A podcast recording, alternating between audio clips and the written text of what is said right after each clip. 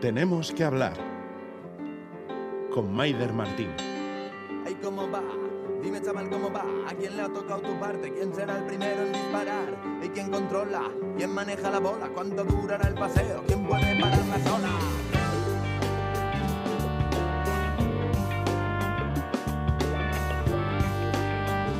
Hola, ¿qué tal? ¿Cómo están? Nosotras desembarcamos con una hora monográfica que surge a raíz de una visita a una librería. Rebuscando entre novelas, ensayos y cómics, encontramos hace unas semanas dos libros, eh, a caballo, uno entre el ensayo y la novela, otro formato novela gráfica, que nos gustaron mucho. Ambos nos sorprendieron. El cómic se llama las casitas de Ojalata, lo firma Josemi Benítez.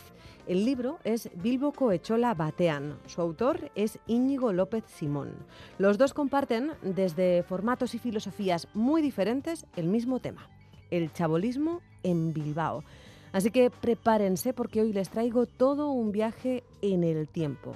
Hoy tenemos que hablar de chabolas.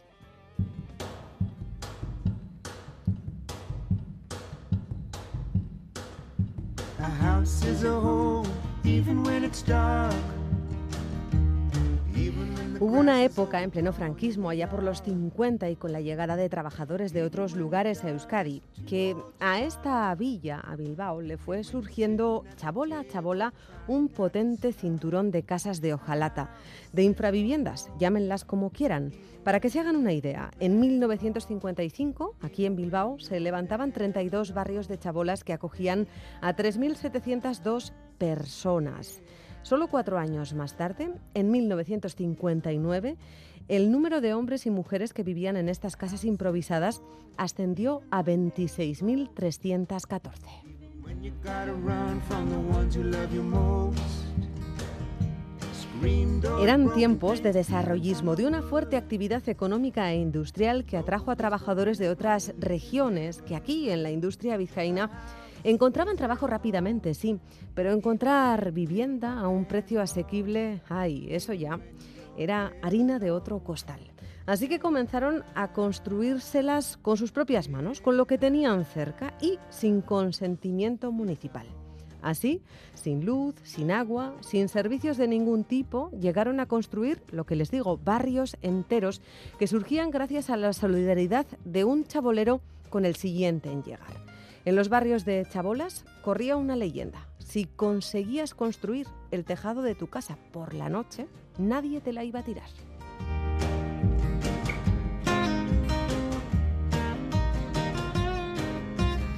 Hoy la piel de Bilbao ha cambiado. Ya pocas cosas y casas reivindican ese pasado.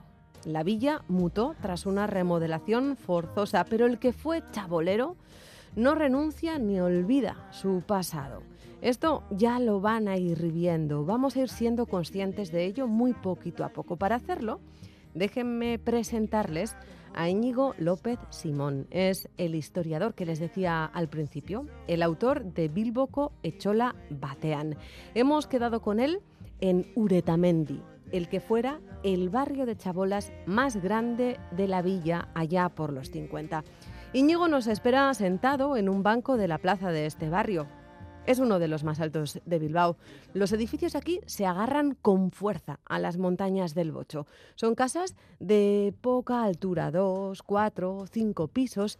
Antes, en los 50, eran chabolas que gracias a los testimonios conseguidos por este basauritarra afincado en esta ciudad, conoce como la palma de su mano. Prepárense para todo un viaje en el tiempo. Allá vamos. Bueno, Íñigo, gracias por quedar conmigo aquí en Uretamendi. Bueno, pues a ti por invitarme. Cuéntame, o sé un poco los ojos de nuestros oyentes, ¿cómo es este barrio? Porque es un barrio muy especial. Para empezar, está en altura, es uno de los más altos de Bilbao, pero Sí. las casas son bajas. Sí, es un barrio alto de Bilbao, es un barrio que tiene mucha, mucha historia, que se remonta a los años 40. Es un barrio que aquí donde estamos andando ahora mismo, aquí había un monte, el monte Gastelapico, ya no existe. Y es un barrio que tuvo mucho movimiento, mucha agitación y que dio mucho que hablar, sobre todo en la década de los 50 del siglo pasado, porque aquí se asentaron un montón de, de migrantes que venían de Castilla, Andalucía, de Galicia, de otras zonas de la península, que venían aquí a vivir, a trabajar y habitar eh, lo que se conoce como las chabolas, como las infraviviendas que se conocen como chabolas.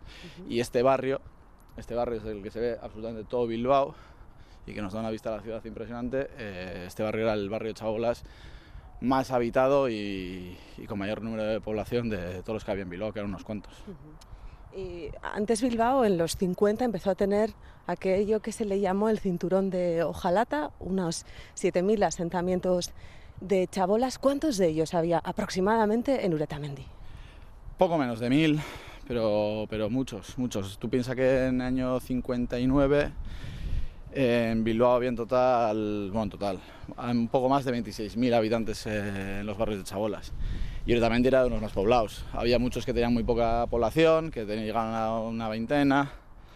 Y Uretamendi sí que tendría, no sé, eso Eugenio, que es el que luego nos va a acompañar, es el te dirá mejor cuántos habitantes hay aquí. Pero vamos, todo esto donde estamos aquí, esto era el Monte Gastelapico, esto estaba lleno de chabolas. Y si miramos para allí, para el Monte Arraiz, todo era chabolas. Ahí arriba estaba Betolaza, que también era otro barrio de chabolas. Y desde aquí, desde cualquier punto de Bilbao, se, se podían ver los, los, barrios de chabolas que rodeaban la ciudad, en Archanda, Montabril, Coveta, y eso es lo que se llama el cinturón de Ojalata, un poco recordando el cinturón de hierro de, de la Guerra Civil. Uh -huh. ¿Y cómo se fueron construyendo estos asentamientos, un asentamiento como el de Uretamendi? Pues poco a poco, y chabola a chabola, y con la ayuda de todos los vecinos.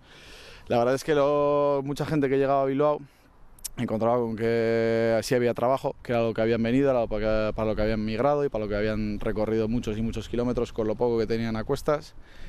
Y llegaban a la estación de, de lo que es la estación de Abando y cuando llegaban aquí pues la, el tema de la vivienda no era tan, tan fácil como el del trabajo, ¿no? Trabajo sí tenían todos, incluso antes de venir, pues porque algún familiar, algún vecino les había dicho que aquí había trabajo y que según llegasen al día siguiente se iban a poner a trabajar pero lo que no había era casas para todos y las casas que estaban vacías, que estaban libres, eran muy caras y no, no podían eh, asumir el pago. De hecho, muchos al principio lo que hacían era vivir en casas compartidas, en las que en un mismo piso vivían tres, cuatro familias, y, y muchos otros lo que hicieron fue, fue construir eh, sus propias casas con lo que tenían a mano.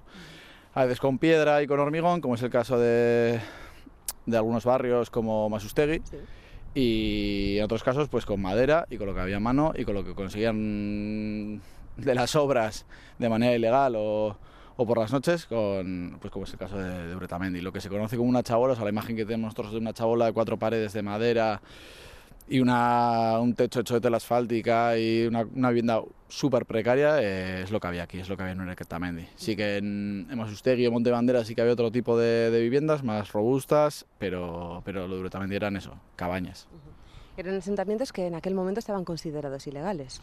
Sí, sí, estaban considerados ilegales. Lo que pasa que el ayuntamiento no lo, siempre los derribaba. De hecho, la inmensa mayoría de las veces no los derribaba. Solo derribaba las chabolas cuando estas ocupaban eh, terrenos privados y sobre todo si estaban en el centro de la ciudad. Pero el ayuntamiento de Bilbao en aquella época era un ayuntamiento muy débil, o sea, no tenía capacidad de enfrentarse a un problema de esta magnitud, eh, prefería dar la espalda, mirar para otro lado y que esperar con la esperanza de que, de que el problema se solucionase por sí mismo. Uh -huh. Yo Uretamendi lo conozco de lejos, conozco más de cerca eh, el caso de Masustegui y cuenta la leyenda o los viejos del lugar que si por la noche eh, tú con tus vecinos conseguías eh, hacerte un tejado, mm. esa casa ya no se derribaba. No sé si esto es del todo así. No hay ninguna ley, no hay ninguna ley escrita que, que, diga que eso es así, pero sí eso es una ley no escrita que se ha mantenido sobre todo entre, entre los vecinos de las chabolas. Eh, sí que es verdad que muchas veces por humanidad o por no agravar el problema o por lo que fuera, eh, la policía municipal o la guardia urbana o quien fuera no derribaba las chabolas que ya estaban construidas. Entonces eh, se quedó esa idea de que, de que si las construías de noche no te podían echar. O sea, si las construías sin que las vieran o cuando era de días ya estaban hechas no las pueden derribar. Entonces eso se quedó entre la gente, eso es lo que se contaba unos a otros y eso es lo que se, se mantuvo, pero sí se han derribado chabolas. El, entre la calle El Cano y, y Hurtado Mézaga creo que son, ahí había chabolas que pertenecían... Chabolas, sí, ¿eh? sí, sí, sí, muy pocas, muy pocas y duraron muy poco porque pertenecían los terrenos a un empresario que quería construir edificios, entonces cuando, cuando eso supuso un problema para los intereses económicos de ese em, empresario bilbaíno, esas chabolas las derribaron y ahí vivía gente y llevan de pie, pues no mucho tiempo, pero sí sí, un año o dos. Entonces, eh, al final es eso, es una ley no escrita que, se perme que permaneció en la memoria y que llevó a que todo el mundo, cuando llegase a Bilbao, esperase a que llegase la noche para construir la chabola y la construían entre, entre todos los vecinos con lo que tenían a mano. Y muchos recuerdan eso, a la no- llegar a la noche y, y escuchar eh, clavos, golpes, como si fuese un bombardeo. Y es, así, fueron como, así fue como, como se fueron expandiendo los, los barrios y como toda esta zona absolutamente estaba plagada de chabolas.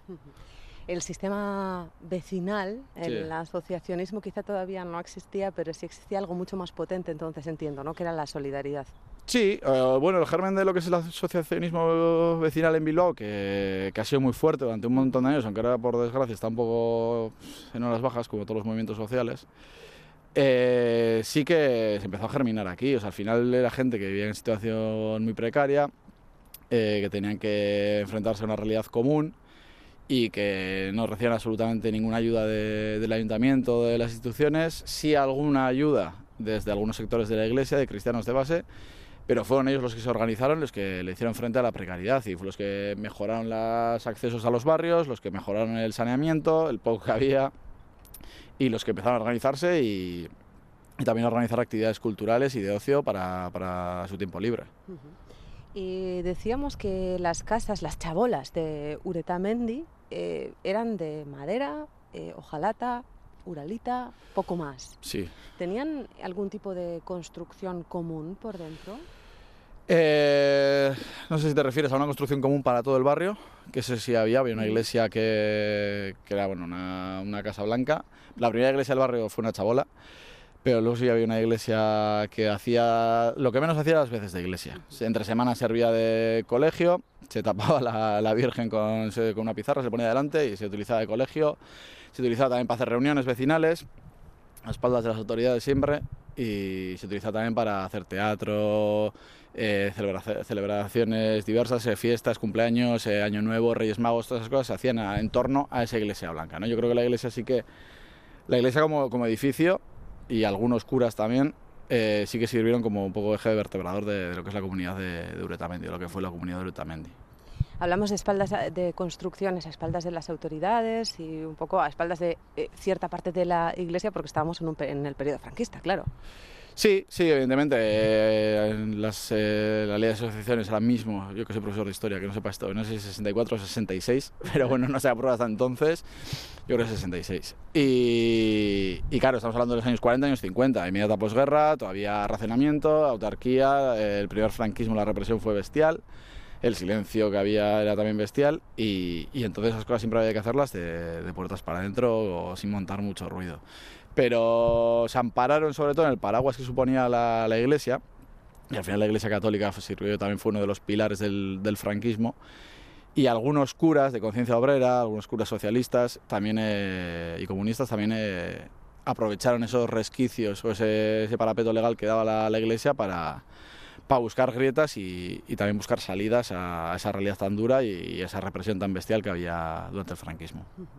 Estamos hablando de chabolas, por tanto, y pocas comodidades, nada de saneamiento, nada de agua, nada de luz. No, de hecho aquí hubo una fuente comunal, una, pero no desde el principio. Muchas veces tenían que ir a Iturrigorri, que está ahí abajo en el Peñascal, y tenían que ir allá por agua.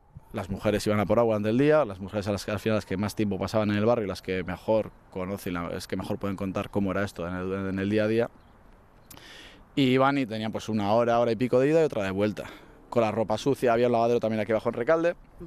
Y bajaban eso, bajaban a, a por el agua, a lavar la ropa, a, a lo que pudieran, pero aquí no, no había apenas... eh, En algunos barrios sí que consiguen, sobre todo también pues, por la lucha vecinal, pues sí eh, redes de saneamiento, instalar fuentes comunales, algunas sí que tienen eh, luz eléctrica dentro de las chabolas, algunas también tienen iluminación en las calles, que se, porque al final se iban construyendo chabolas y se creaban calles y plazas entre las chabolas y se creaban con pequeños barrios, ¿no?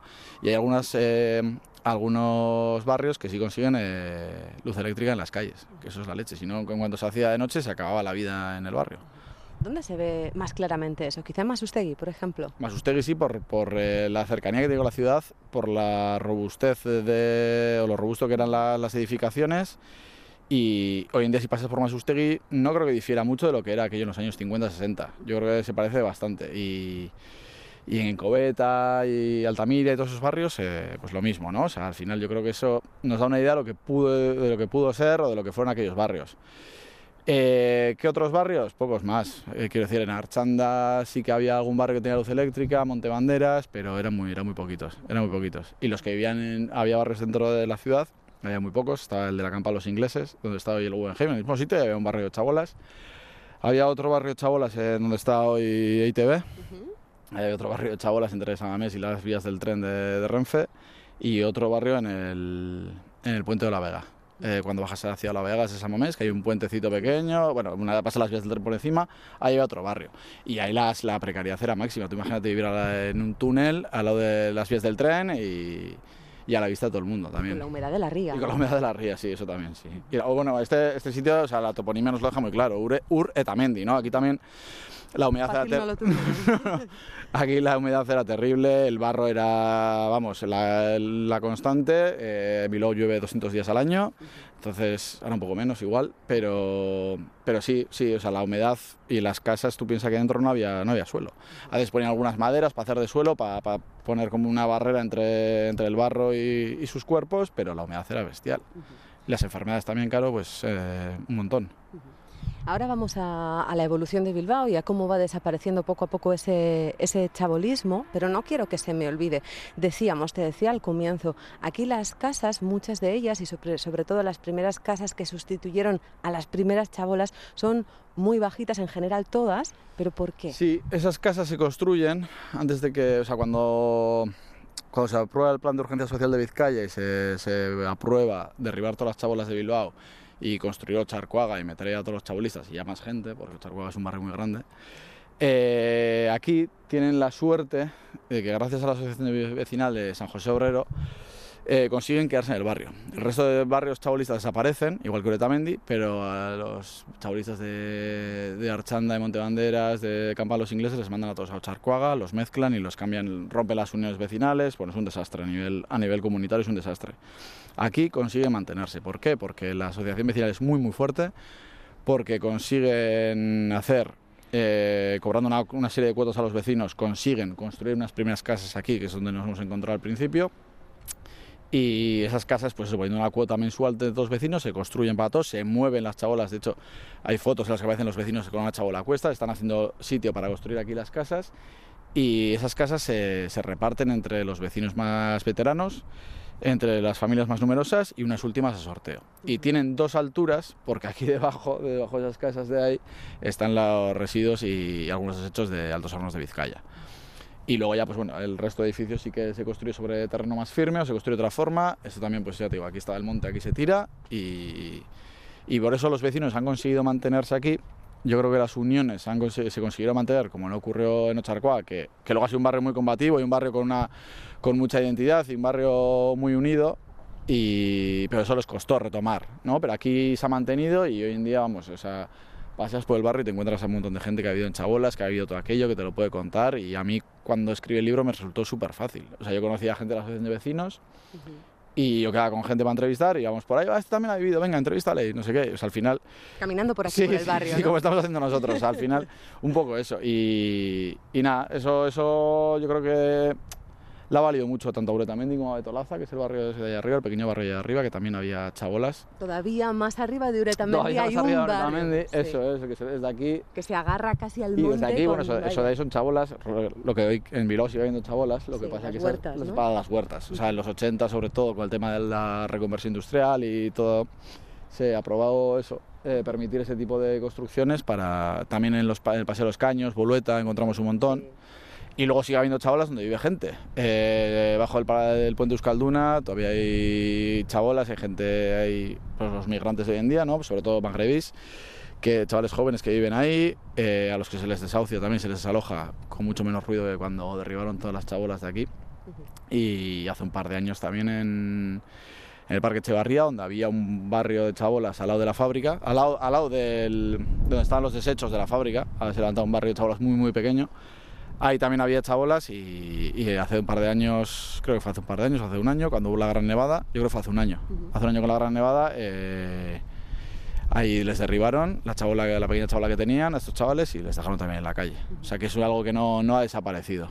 ¿Podemos hacer un paralelismo entre el chabolismo de entonces, de aquellos 50, 60, al de ahora? Sí, claro, sí, sí, al final es, o sea, es gente que emigra por, porque estos, los que vinieron aquí a vivir a las chabolas en los 40, 50, 60, eh, huían de la miseria, huían de la pobreza, huían del hambre, huían de, una sociedad muy cerrada, de una sociedad rural donde había vencedores y vencidos, donde había todavía revancha y venganza y, y esa gente vino también huyendo de algo. No solo venían porque aquí había trabajo y había trabajo asegurado, sino porque huían de algo. Estos chavales también huyen de algo creyendo que aquí van a encontrar trabajo. Yo creo que se están encontrando una situación mucho, mucho más difícil de la que se encontraron los inmigrantes que vinieron en los 40 y 50. Pero sí, sí, sí, puede haber paralelismos. Evidentemente hay muchas diferencias también, pero sí, sí que hay paralelismos. Hay una, una ciudad que es Bilbao que no está sabiendo dar solución a ese problema. Eh, hay un problema de la vivienda impresionante, eh, los alquileres solo suben, los precios de las viviendas solo suben, se construye nueva vivienda pero el precio es inalcanzable para, para la mayoría de los bilbaínos, sobre todo para los jóvenes, y yo creo que el, problema de la vivienda ha mutado pero sigue existiendo. O sea, lo que había en los 50 era una escasez de parque de vivienda, o sea, no había casas suficientes, y las que había eran muy caras y yo creo que ahora el problema es que, que siguen siendo muy muy caras y que, y que hay un montón de gente que no puede acceder a la vivienda. Por cierto, cuando hemos girado aquí Sí. la esquina, Ujú. mm, claro, la asociación de vecinos se llama San José Obrero. Y lo que hemos visto tallado en una pared, en la piedra Sí, de una pared, sí. es un San José Obrero, ¿no? Sí, al final la, la religión no tiene mucha importancia aquí, quiero decir, las citas de guardar sí que se respetaban, bautizos y comuniones y bodas y algún funeral también, porque también moría gente, las chabolas, muy lejos de sus casas, de sus tierras. Y... Pero aquí la, la iglesia tiene sentido, eh, sentido de base en sentido de comunidad. Aquí hay dos, dos curas sobre todo, el padre Bor y David Armentia, que, que actúan... Aquí, en este barrio. Sí, en este barrio, en Uretamendi. Actúan prácticamente de, de alcaldes o de, o de vertebradores de la comunidad. Eh, la gente les tenía mucha estima, eh, consiguen eh, movilizar al barrio, consiguen atraer a gente trabajadora que, concienciada e implicada con, el, con los temas sociales, pues les traen desde Bilbao hasta aquí a Uretamendi y les implica también la, lucha vecinal y, yo creo que que ese cariño que puede dar a la iglesia en Uretamendi va más allá de la religión, de la de la propia iglesia católica, ¿no? Es de, aquellos dos curas que, con mucha gente y por, por supuesto con la gente del barrio, que contribuyeron a crear aquí una comunidad. Por cierto, decíamos 7.000 asentamientos en el cinturón de Ojalata de Bilbao, 7.000 viviendas de, de chabolas. Sí, 26.000 personas en total. Eso te iba a decir, Sí, no, sí, te- no sé cuántas, cuántas 26, una- personas. ¿no? Unas 26.000, en el punto más alto del fenómeno unas 26.000, que es una barbaridad. Era el 10% de la población obrera de Bilbao. ¿Y cómo acogía eh, la ciudadanía bilbaína a esta gente que venía de fuera, estas 26.000 personas? Pues hay de todo, pero por lo general bastante mal. Eh, lo que te cuentan, claro, eh, para ellos la ciudad es un territorio hostil, es un territorio extraño y a la ciudad bajaban muy poco los hombres a trabajar, ahí sí que hacía más relación. Las mujeres bajaban muy poco a hacer alguna compra y, y los niños y las niñas los que podían bajaban a estudiar, pero recibían eh, un trato muy hostil.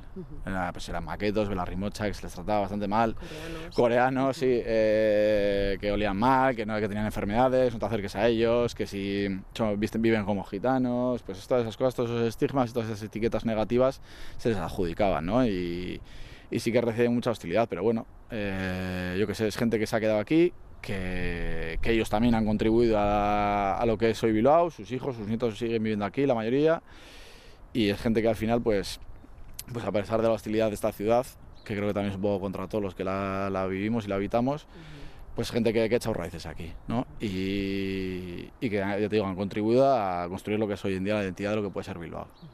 Antes de encender la, la grabadora Sí. y darle al rec, eh, nos hemos referido a Masustegui y hemos hablado fundamentalmente de sus principios como un asentamiento gallego, ¿no? Eh, de familias que venían de Galicia. La gente directamente y de dónde venía. Eh, norte de Extremadura, sí, Cáceres, eh, sur de Salamanca. Eso se, se da mucho por las redes de acogida. Al final, tú, un vecino de tu pueblo, o tu primo, o tu cuñado, o la hermana, o quien sea, te dice que vive en Bilbao, que hay trabajo, que vengas ya, que hay trabajo para ti y vente a vivir aquí, que vivimos unos cuantos. Al final, ese efecto llamada, esas, esas eh, redes de acogida funcionaban muy bien. Quiero decir, mi familia, la familia de mi mamá viene de Salamanca y, y la mayoría fueron a vivir a Basauri. Pues porque sí, porque conocían, porque es más fácil ir a un sitio donde ya hay gente que conoces, ¿no? Te, te hace, te amortiguan un poco el golpe que es eh, dejar tu tierra e irte lejos. Y, y eso, y yo creo que aquí lo que más había era extremeños, salmantinos Sí que es verdad que en Masustegui lo que hay más es gallegos y, y se han analizado un poco quién vivía en, en las chabolas, se dan casos muy curiosos, ¿no? Como gente, creo que es en la del barrio que había en, en donde estaba ahí había mucha gente de Ciudad Real y algunos del mismo pueblo, o sea, como varias familias del mismo pueblo, que es un pueblo que es, es enano, que me cuesta encontrarlo en el mapa, ¿no? Y se dan esos casos, y sí, me asustéis en los ríos gallegos, vamos, siempre lo ha sido, y, y yo creo que hoy en día se sigue conociendo un poco así, sí, sí, sí. ¿Cuándo empieza a evolucionar y a cambiar eh, el panorama de chabolas del cinturón de, de, Bilbao? Pues el mito, porque la historia se construye con mitos y con mentiras sobre todo, eh, dice que Franco vino aquí a inaugurar, a inaugurar la feria de muestras, donde eh, hoy está el nuevo Samamés, y, y, que yendo para Altos Hornos y para la margen izquierda a visitar las fábricas y toda la zona industrial, eh, pues por la carretera vio pues, las, las chabolas de, de, cobeta y así, y preguntó, ¿no? ¿Qué es eso? Y no, son, son chabolas y gente, y es como, va, derriben las casas y háganles unas casas como Dios manda. Franco no sé si dijo eso o no, pero bueno, yo no me lo creo mucho porque eh, lo que se hizo aquí, que es el plan de urgencia social, ya se había hecho en otras ciudades. Quiero decir, no es un invento de Franco ni es un regalo de Franco a la ciudad de Bilbao. Eh, el plan de urgencia social ya se había hecho en Madrid, se iba a hacer también en Barcelona, en Gijón, en Sevilla, en un montón de sitios, ¿no? Porque el problema de la vivienda afectaba a un montón de ciudades industriales y, y, lo que contemplaban esos planes era eso, el derribo de las chabolas y la construcción de viviendas para la clase obrera. Y eso en Bilbao ya hubo varios intentos bastante infructuosos de, de solucionar el problema, y no solo en Bilbao, sino en un montón de ciudades. Y, y, el plan de urgencia social es eso, ¿no? Es, es, una forma de mezclar capital privado y capital público para fomentar la construcción de la vivienda. Uh -huh. Que el, todo el problema inmobiliario que hay en España hoy en día y todos los pelotazos y toda la burbuja especulativa y todo tiene su origen en, en un poco en esos planes en los que se mezcla capital privado y capital público. Y nada, pues eso, eh, construir casas para los obreros de la forma más barata posible, con los peores materiales y la forma más rápida posible, porque lo que había que hacer era darles unas casas más que nada para, para intentar asegurar la paz social. Quiero decir, lo que buscaba el, el franquismo con esos planes era eh, una España, lo digo, no lo digo yo, lo dicen ellos, es una España de propietarios y no de proletarios. Uh -huh. ¿no? Decían que si, si, el hombre, siempre hablan del hombre, si el hombre no estaba en casa, pues que estaría en la calle buscando problemas o o en el bar o, o, volviéndose un comunista o buscando no o sea buscando jaleo entonces que había que darle una casa y una casa te da una, te asienta te relaja te y te, te quita un poco el, si tienes una necesidad de, de comer de, de, techo y tal pues vas a dar más guerra vas a crear más conflicto ¿no? entonces una forma de que eso no le estallara al franquismo en la cara fue poner en marcha esos planes de urgencia social no fue un acto de, buena fe ni un acto de caridad ni algo de humanismo Estoy segura que muchos de nuestros oyentes eh, están con la boca abierta, escuchándote hablar, porque además eres una persona que coge carrerilla, ¿eh? O sí, sea, ver, te lo tienes muy sabido. No, Pero es que sabido, venimos, no, vamos a explicar a, a, la audiencia, venimos o vienes de una sí. tesis doctoral. En 2018 va a salir publicada en unos meses con Marcial Pons. Mi tesis, mi tesis de lo que va es del... De de, bueno, yo empecé a estudiar el fenómeno kinky, la delincuencia juvenil de los años 70 y 80 y vi que uno de los factores del fenómeno kinky era el urbanismo. Entonces mi tesis habla de, de la relación entre el urbanismo y el, eh, o la marginalidad urbana y la delincuencia juvenil. Uh -huh. Investigo dos barrios, uno es Charcoa aquí en Bilbao y el otro es San Blas en Madrid, que son dos barrios muy muy similares en origen, en tipología de construcción, en características sociales, y, y, lo que veo es que ambos barrios eh, surgen para hacer frente al problema de las chabolas en sus respectivas ciudades. O Charcoa para hacer eh, frente al problema de las chabolas en Bilbao y San Blas en Madrid. Uh -huh. Entonces ahí hablo un poco, en la tesis hablo un poco de las chabolas en Bilbao, es un tema que me pareció apasionante cuando lo descubrí. Y, y nada, pues defendí la tesis, no, no pude desarrollar mucho más el tema y cuando he tenido oportunidad, pues con la beca Tenemújica y a través de la editorial del CAR, pues pues he podido eso, investigar un poco lo que me quedó pendiente de investigar y escribir lo que siempre he tenido ganas de escribir. Así ha surgido Bilbo Coechola Batean. Eso es, eso es. Y nada, he traducido a castellano y porque el libro salió originalmente en euskera y lo he traducido ahora a castellano y saldrá, pues espero que pronto. ¿Con quién vas a publicar? Gallo de Oro. Eh, ¿Y ahora quién vamos a conocer? Porque hemos venido aquí pues a conocer Eugenio, a alguien. Eugenio es el que me ha hecho ese señor que se vaya de paseo que se pasa, ha pasado de largo. Ha pasado de nosotros. Ha pasado ¿no? de nosotros, Este- sí. este. Se Ese va al bar. Se va al bar porque, bueno, pues es su, es su hábitat también. Y es eh, pues una de las primeras personas que conocí en Uretamendi y el que me ha hecho un poco de cicerone aquí en el barrio, el que me, me ha explicado todo, el que ahora te dirá él, te, te contará mucho mejor que yo. El que acuerda, se acuerda dónde estaba cada chabola, quién vivía dónde, quién vivía en cada esto. Y es el que me ha presentado un montón de gente y gracias al que conozco un poco mejor la realidad de, de Uretamendi. Vamos, que es la espasa de este barrio. Sí, un poco sí, un poco sí. Vamos a por él. Vamos a por Geltoki zaharrean zainago Zure irrifarra oroitu nahian Baina euria guztita galduz doaz Ene taupada isilak Gauean murgildu zen trenotxa Bakarrik utziz nire bihotza. Musu bero bat mazaian talepotik Zapigo bat zintzilik. Iragana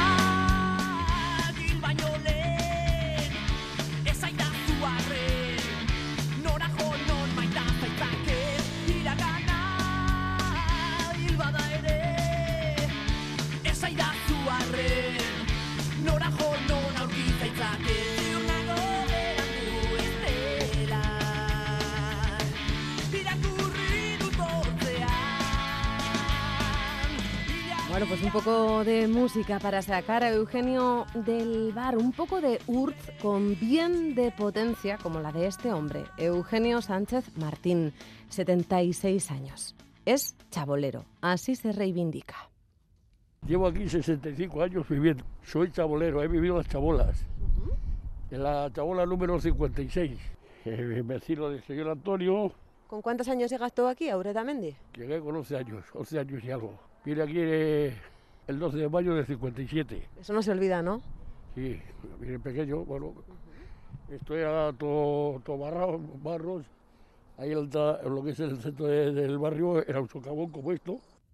Eugenio lo recuerda todo. Por ejemplo, que su padre compró la chabola por 250 pesetas. Sí, se la compró un compañero de trabajo, pues ellos se fueron a vivir para arriba, para, para Betolaza, y ya tenían, habían comprado una casita allí.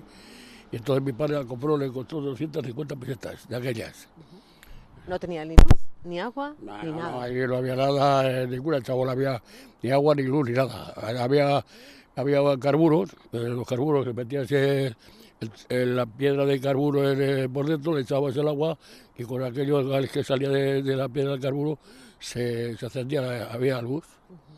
Y algunos, algunos el, el famoso candil de, de aceite. Quien lo probó lo sabe, que dice el poema, hablando de otro gran misterio, pero no nos despistemos. Eugenio probó las chabolas y lo recuerda todo muy bien. Recuerda, por ejemplo, cómo los curas hacían más una labor social que religiosa, o quién fue el primer chabolero de Uretamendi, que vivía en un monte que acabó cercenado porque Bilbao no paraba de crecer. Aquí nosotros cuando venimos había una cueva allá arriba en el monte Gastelapico, que es el monte que han tirado para allá atrás, verás el parque, Sí. y había un monte que se llamaba Gastelapico, tenía 180 metros de altitud. Y allí había una cueva en la cual vivía el primer, el primer chabolero, digamos, el primer vecino que había aquí, vino el 15 de agosto de 1949 y vivía en una, en una cueva de allí. Luego ya cuando empezó alguien a hacer una chabola y tal, pues él hizo también una chabola al lado.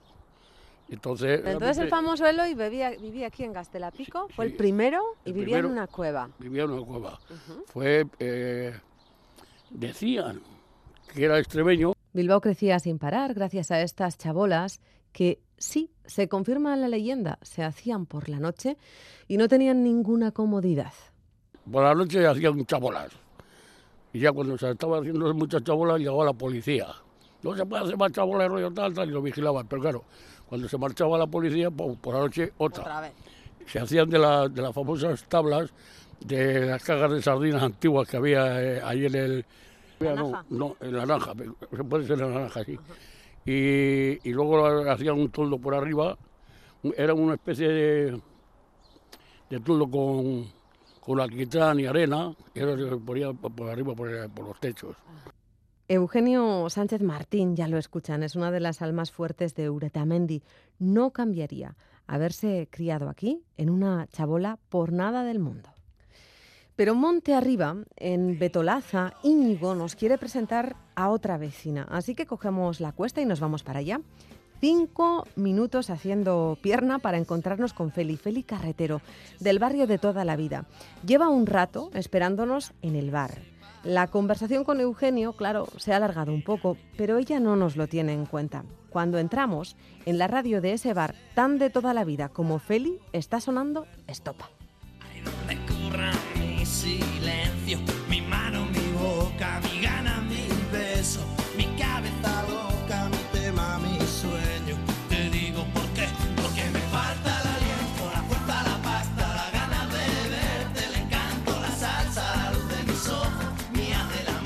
Feli impacta cuando la conoces, es pura vida. El brillo de sus ojos verdes a sus 73 años transmite tanto como sus palabras y es una pena que no la puedan ver. Habla de su infancia y la mirada se le pierde en el paisaje buscando entre los recuerdos. Ya no queda ninguno malo. El barrio, su casa de hojalata en Uretamendi, le han dado una vida que le gusta, una vida muy dura, muy vivida, pero no había otra, nos dice. Aquí conoció también a Tasio, su pareja, pero vamos poco a poco. Entren conmigo a ese bar. Hola. ¿Qué tal? Ah, hola, Yo soy buenas Maite. tardes. ¿Cómo está? Igual. ¿A mí no me saludas o qué? ¿A mí no me saludas o qué? Hola, como que no, ¿no? ¿Qué tal esa guapa? ¿Qué tal, cielo? Mira, Una cosa, antes que nada, vamos a empezar por el principio. Sí, ¿Y tú quién eres? Yo soy una vecina de Uretamendi. Bueno, de Uretamendi viví mi, mi infancia y mi juventud hasta que me casé. ¿Pero cómo te llamas? Feli Carretero. Feli Carretero, ¿cuántos años tienes? 73. Bueno, este mes 74. Este mes sí, aún. ¿Cuándo cumples? El 31 de marzo. Muy bien llevados, ¿eh? Por supuesto. Muchas gracias. Intentamos cuidarnos. Bueno, ¿cuándo llegas tú a Betolaza? A Betolaza llevo exactamente ¿Con cuántos años? ¿Con cuántos años? 43, 44, por ahí. A Betolaza. Pero bueno, a ver, sí, Uretamendi de niña. Por el 55 56, uno de los dos años, emigraron mis padres de, de Extremadura con los seis hijos. La mayor tenía 13 años y la pequeñita un año. Y ahí nos hemos criado, que era un barrio de chabolas. Y súper bien, súper felices, súper contentos. No conocías otra cosa, es lo que había. Lo que sí había muchísimo respeto, humanidad, mm, no sé, educación. Los padres te enseñaban valores, que hoy eso lo echo muchísimo de menos. En falda se ha perdido, se ha perdido todos esos valores. Y, y bueno, una etapa súper feliz. Entre Hurtamiento y Beto Lázaro hicimos la, la infancia. ¿Cerca de Gastelapico o lejos? Sí, por ahí, por Gazlapico, exactamente por ahí. Sí. Teníamos una vecina que no tenían hijos y tenía guitarra, no sabes cómo cantaba, tocaba la guitarra y ahí estabas. Porque era casi como vivir en comunidad, ¿no? Sí, sí, totalmente. Se salía a la calle con una silla, te dejaban las puertas abiertas, eh, te faltaba algo, pues te... Así era muy, muy, muy humano, muy hermandado, hermandado muy, muy bien, muy bien. Eso se echa muchísimo en falta, también es que ha cambiado total. ¿Cómo se vivía en una casa en la que vives sin luz, sin agua, sin comodidades? Mm, Bueno, para las duchas sí tenían las duchas municipales de General Concha. Íbamos a ducharnos allí. Mientras éramos pequeños, pues con cubos de agua que se acarreaba, bien de la Fuentito Rigorri o bien de ahí, que había una. Aquí, por la Casa del Crimen, por ahí arriba, había un riachuelo. La casa del crimen. Sí, es esa blanca que se ve. Y hay por ahí un riachuelo más a la derecha y traíamos agua del riachuelo o de la Fuentito Rigorri hasta que se puso una fuente en la, en la misma plaza. ¿Tú ibas al colegio aquí en Uretamendi? No, yo fui a la casilla. A la casilla que era eh, a la derecha mm, femenino, a la izquierda masculino y detrás teníamos los, los huérfanos de, de Umbe. Eh, Había allí, pues se les oía. ¿Y cómo te trataban en el colegio a ti? Bien.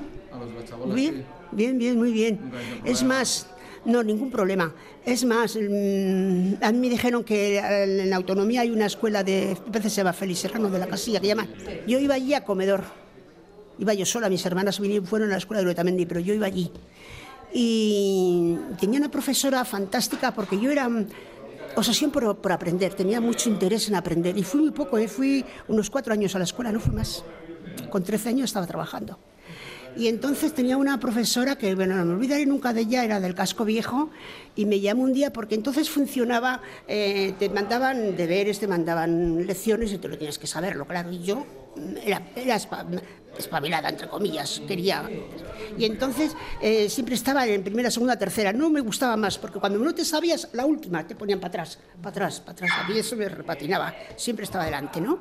Y entonces eh, me dice la profesora, Feli, ya te veo que tienes interés, que eres bastante buena queriendo aprender, te voy a dar permanencias. Entonces llaman permanencias. Y dice, a ver, mi- a ver, en mi casa mis padres no pueden pagar eso. Dice, no te preocupes, yo te las voy a dar gratis, pero no digas nada, claro. Y me dio, Beatriz Cantera además me dio permanencias gratis, ¿Dónde empezaste a trabajar, dices? con 13 años. Con 13 años tenía una hermana cerca de la casilla, en, en la primera calle General Eguía. Uno estaba de- de repartiendo, la mayor que tenía 13 años, un- una carnicería. Y por Navidades se puso mala y se quedó en casa, claro. Entonces vino la señora a casa y dice, oye, qué faena en fiestas de, eh, justo estas fiestas que hay más trabajo y tal. No tiene otra que me pueda servir. A ver, está Feli. Estaba de vacaciones, la fiesta, las vacaciones de Navidades. Si le sirve, y me dijo, ¿tú estarías? Entonces era, yo creo que era más espabilado porque por- porque te tocaba la vida espabilar. Entonces me empecé con eso, con 13 años en Navidades y ya no volví a la escuela. Ya no volví porque en casa mi hermana se quedó en casa de los señores, digamos, de, interin- de interna. Mi hermana se quedó interna, yo me quedé en la carnicería, no volví a, a al colegio, a la escuela, vamos. Y bueno, porque hacía falta en casa, con seis hijos, mi padre solo trabajando. Y, los días de General Eguía, únicamente? Sí, efectivamente. Sí, y luego pues los ratos que tenías a, las, a jugar por aquí, a- exactamente. Y supongo que también al ser mujer tendrías que colaborar en, en casa. Mm, Prácticamente no, prácticamente no, porque mi madre al estar todo el día en casa era ella la que llevaba la cuestión de todo. Bueno, igual un día dice, ayúdame esto, ayúdame lo otro, tal, porque... Pero, ¿No les acompañabais a por el agua y tu rigor y a hacer la colada? eso sí, hacer un, un viaje o dos o tres a por agua, claro, eso sí. ¿Eso Y- cómo funcionaba? Porque un adolescente o un joven de, de hoy en día, estoy segura de que no se imagina cómo funcionaban la, la- cómo funcionaba la intendencia de las chabolas, el día a día. Pues mira, yo me veo muy reflejada en esos programas que dan de África y tal, esos niños con las garrafas, o con los cubos, los baldes a por agua. Es que esas éramos nosotros, así, perfectamente. Y mi madre te había unos lavaderos en Gordoniz, en, exactamente donde está ahora la perfumería Hermi. Había lavadores públicos, mi madre bajaba, eh, pues el, las veces cuando tenía mucha ropa, bajaba y lo lavaba, lo venía claro, claro, pesaba para. Cuando yo subía de la escuela, mm, quedaba con ella para ayudarla a ayudarle el cubo, hasta que nos dieron los pisos. Pero eso eran las chabolas, ¿eh? Y Cuando te dieron el piso donde pasaste a vivir. Bueno, no exactamente. Bueno, de la chabola eh, estorbábamos, porque empezaron por aquella zona, empezaron las, las casas bajitas, luego la siguiente, y donde estábamos estorbábamos para hacer viviendas. Entonces cogieron mis padres la chabola y trajeron aquí a los pinos, casi donde vivo ahora. Ese bloque que vivo ahí, ese marrón. Pues ahí se la trajeron. Dice, aquí no me van a echar, aquí no voy a estorbar. Y ahí nos vinimos unas cinco o seis familias. eh, para nos, porque si, te ibas de un sitio a otro y también estorbabas, te iban a volver a mover. Y ahí. Y bueno, cuando iban tocan, dando las viviendas por antigüedad, según habíamos llegado al barrio. Y bueno, pues yo los recuerdos los tengo maravillosos, la verdad la dicha, ¿eh? Maravillosos. No los cambio. Por, bueno, o sea, los niños tienen, tienen esto, depresión, se aburren y tienen todo. Yo creo que todo, todo lo que tienen no lo valoran, no hacen caso. ¿Cómo era un día en el barrio? ¿Cómo lo recuerdas tú? A ver, pues siendo... Sí, sí, sí, todo, la, calle, todo el día en la calle, ¿eh? Todo el día en la calle. Jugabas a los juegos de, de Inca o de las mm, tabas o al, a- también igual al juego de niños, chorro, borro, picotayo, ¿qué? A la cuerda, al escondite, muchos juegos. Muchos juegos. A casa ibas a comer, a dormir, a cenar y a dormir, claro, todo el día estabas en la calle de niña. Nos veníamos por aquí con helechos, una aguja y cuerda, te hacías unos vestidos con los helechos. Sí, sí, disfraces, digamos. ¿Y cuándo subes a Betolaza? Betolaza ya subí, Pues tendría yo 30, 33, 35 aproximadamente. Tenía ya los tres hijos, la cuarta nació ahí, aquí en Betolaza. Porque yo allí he estado en alquiler. En las viviendas, cuando me casé, he estado en alquiler porque tenía una, un ahorrillo que de- trabajé los dos últimos años en industrias metálicas, metalinas. Y bueno, pues las pagas, que tenía tres pagas al año, una, dos, tres, no, cuatro. Cada tres meses teníamos una paga. Y mi ama nos dejaba la paga para mí. Y en un tiempo que estuve, pues eh, lo guardé. Y entonces teníamos un dinero para comprarnos un, dar la entrada, digamos, de un piso. Y mi padre, que era almacenero de una cooperativa de perfume, dice mi padre, ¿por qué no en Japón es una mercería perfumería?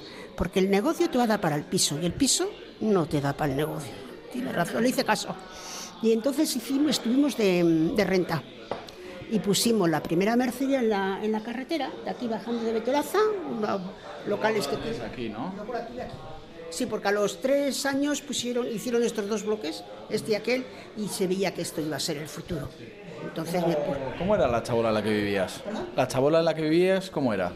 ¿Cómo la describirías? ¿Cómo harías una foto de ella? Viviría con, bueno, todo gran, todo era una, como una nave grande, sí que estaba un poco dividida, tenía por habitaciones, eran de cajas, de cajas de, de madera con su toldo, toldo que era como, como así, puesta piedra, sí, puede ser tela asfáltica, con piedras arriba, porque se lo llevaba el viento. Es más una noche de huracán de esos vientos, una parte del techo se lo, se lo llevó para la chatarrera, que entonces no había las chatarreras del barranco. Ahí le veías a mi padre y mi hermano, el segundo chico. Ya, Pues al trozo de tejado. Y me acuerdo muchísimo, mi ama, cómo ponía cubos de agua o paraguas porque caían goteras. ¿Y dónde dormías? Pues mira, dormíamos eh, en camas, ¿eh? eso sí, sí, no hemos tenido camas, camastros, camillas, no sé cómo decir, pero en el suelo nunca, ¿eh? jamás. Porque el suelo, ¿cómo era? No sé si era de rosetas, si era... También ma- maderas, maderas y como un hule por encima, ponían algo así para proteger un poco, así era. ¿Y la cocina, el baño? ¿Baño? ¿Qué dices? Eso era un lujazo. un lujazo. Cocina tenía de esas, de esas que. eh, de butano que, que tiene así que la. Sí, digamos, como un horriño prácticamente. Y bueno, mi madre pues venía de un pueblo que tampoco había tenido nada allí. Y esto estaba encantada porque por lo menos era de ella. Ya tenía un hermano en Urutamendi, ¿eh? Entonces el hermano fue el que dijo, ven para acá, que hay mucho trabajo, con seis hijos. Porque nosotros allí en el pueblo no íbamos ninguno a la escuela. Digamos que no estábamos viviendo en el pueblo, sino estábamos como en una sierra, como aquí el Paga, por ejemplo. Y no íbamos ninguno a la escuela. Y entonces mi madre bajaba todos los días a- con una burra, bajaba a vender la leche y cosas, y bajaba al pueblo a dar a luz, pero luego subía para arriba, para el campo, y ahí vivíamos. ¿Cómo se llamaba tu pueblo? Eh, Navaconcejo, de Cáceres. El Valle de Jerte. ¿Has oído el Valle de Jerte? Pues está uno de ellos. Efectivamente, efectivamente, de uno de ellos. Muy, muy, muy guapo. Y por terminar, em, ¿qué es para ti Uretamendi? Ah, mi- mi- mis mejores recuerdos. Mi, mejo- mis mejores recuerdos, sobre Tamendi. Mis mejores recuerdos de, de la vida que tengo, vamos. Betolaza, pues también, pero ya con de más mayor, pues distinto. No es tan cariñoso, no es tan apegado. Sí, aquí triunfé, puse luego la mercería aquí, que está 40 años, ¿eh?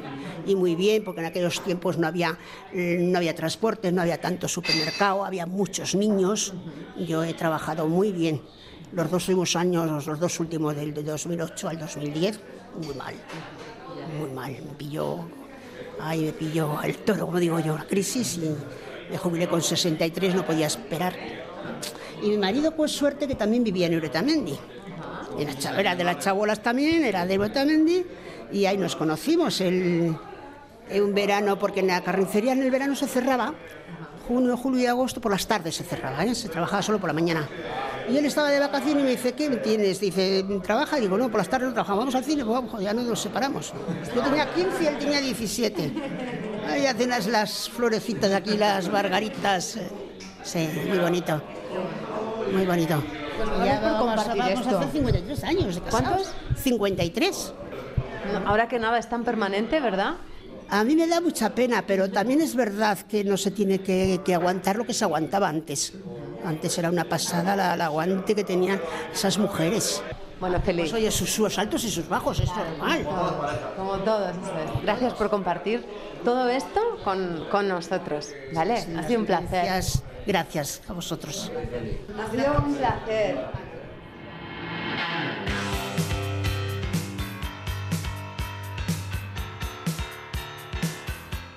Pues hasta aquí el programa de hoy, basado en hechos reales, los que vivieron en Bilbao, quienes ayudaron a construirlo, llegados de otras regiones y que lograron sobrevivir gracias a la solidaridad obrera, en este caso de los que como ellos llegaban de fuera, también gracias a unos cuantos de dentro. Quizá encuentren similitudes con lo que ocurre actualmente, quizá no, eso ya es cosa suya. Ya saben, tenemos que hablar de todo y sin pelos en la lengua. On you believe? Nothing ever slows her down and a mess is not allowed.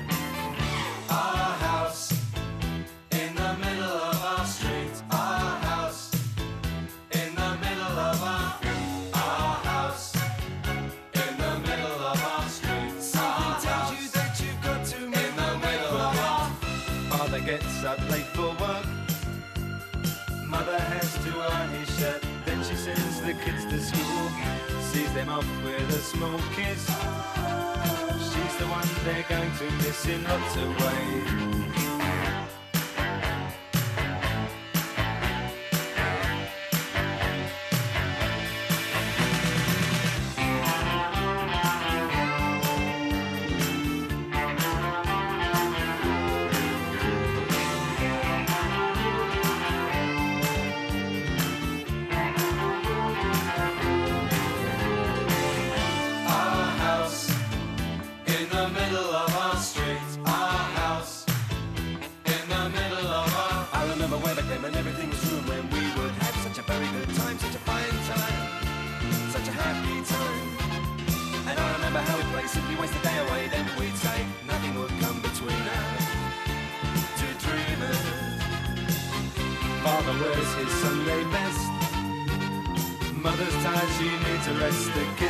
Playing up downstairs. Sister's sighing in her sleep. Brother's got a date to keep, he can't hang around.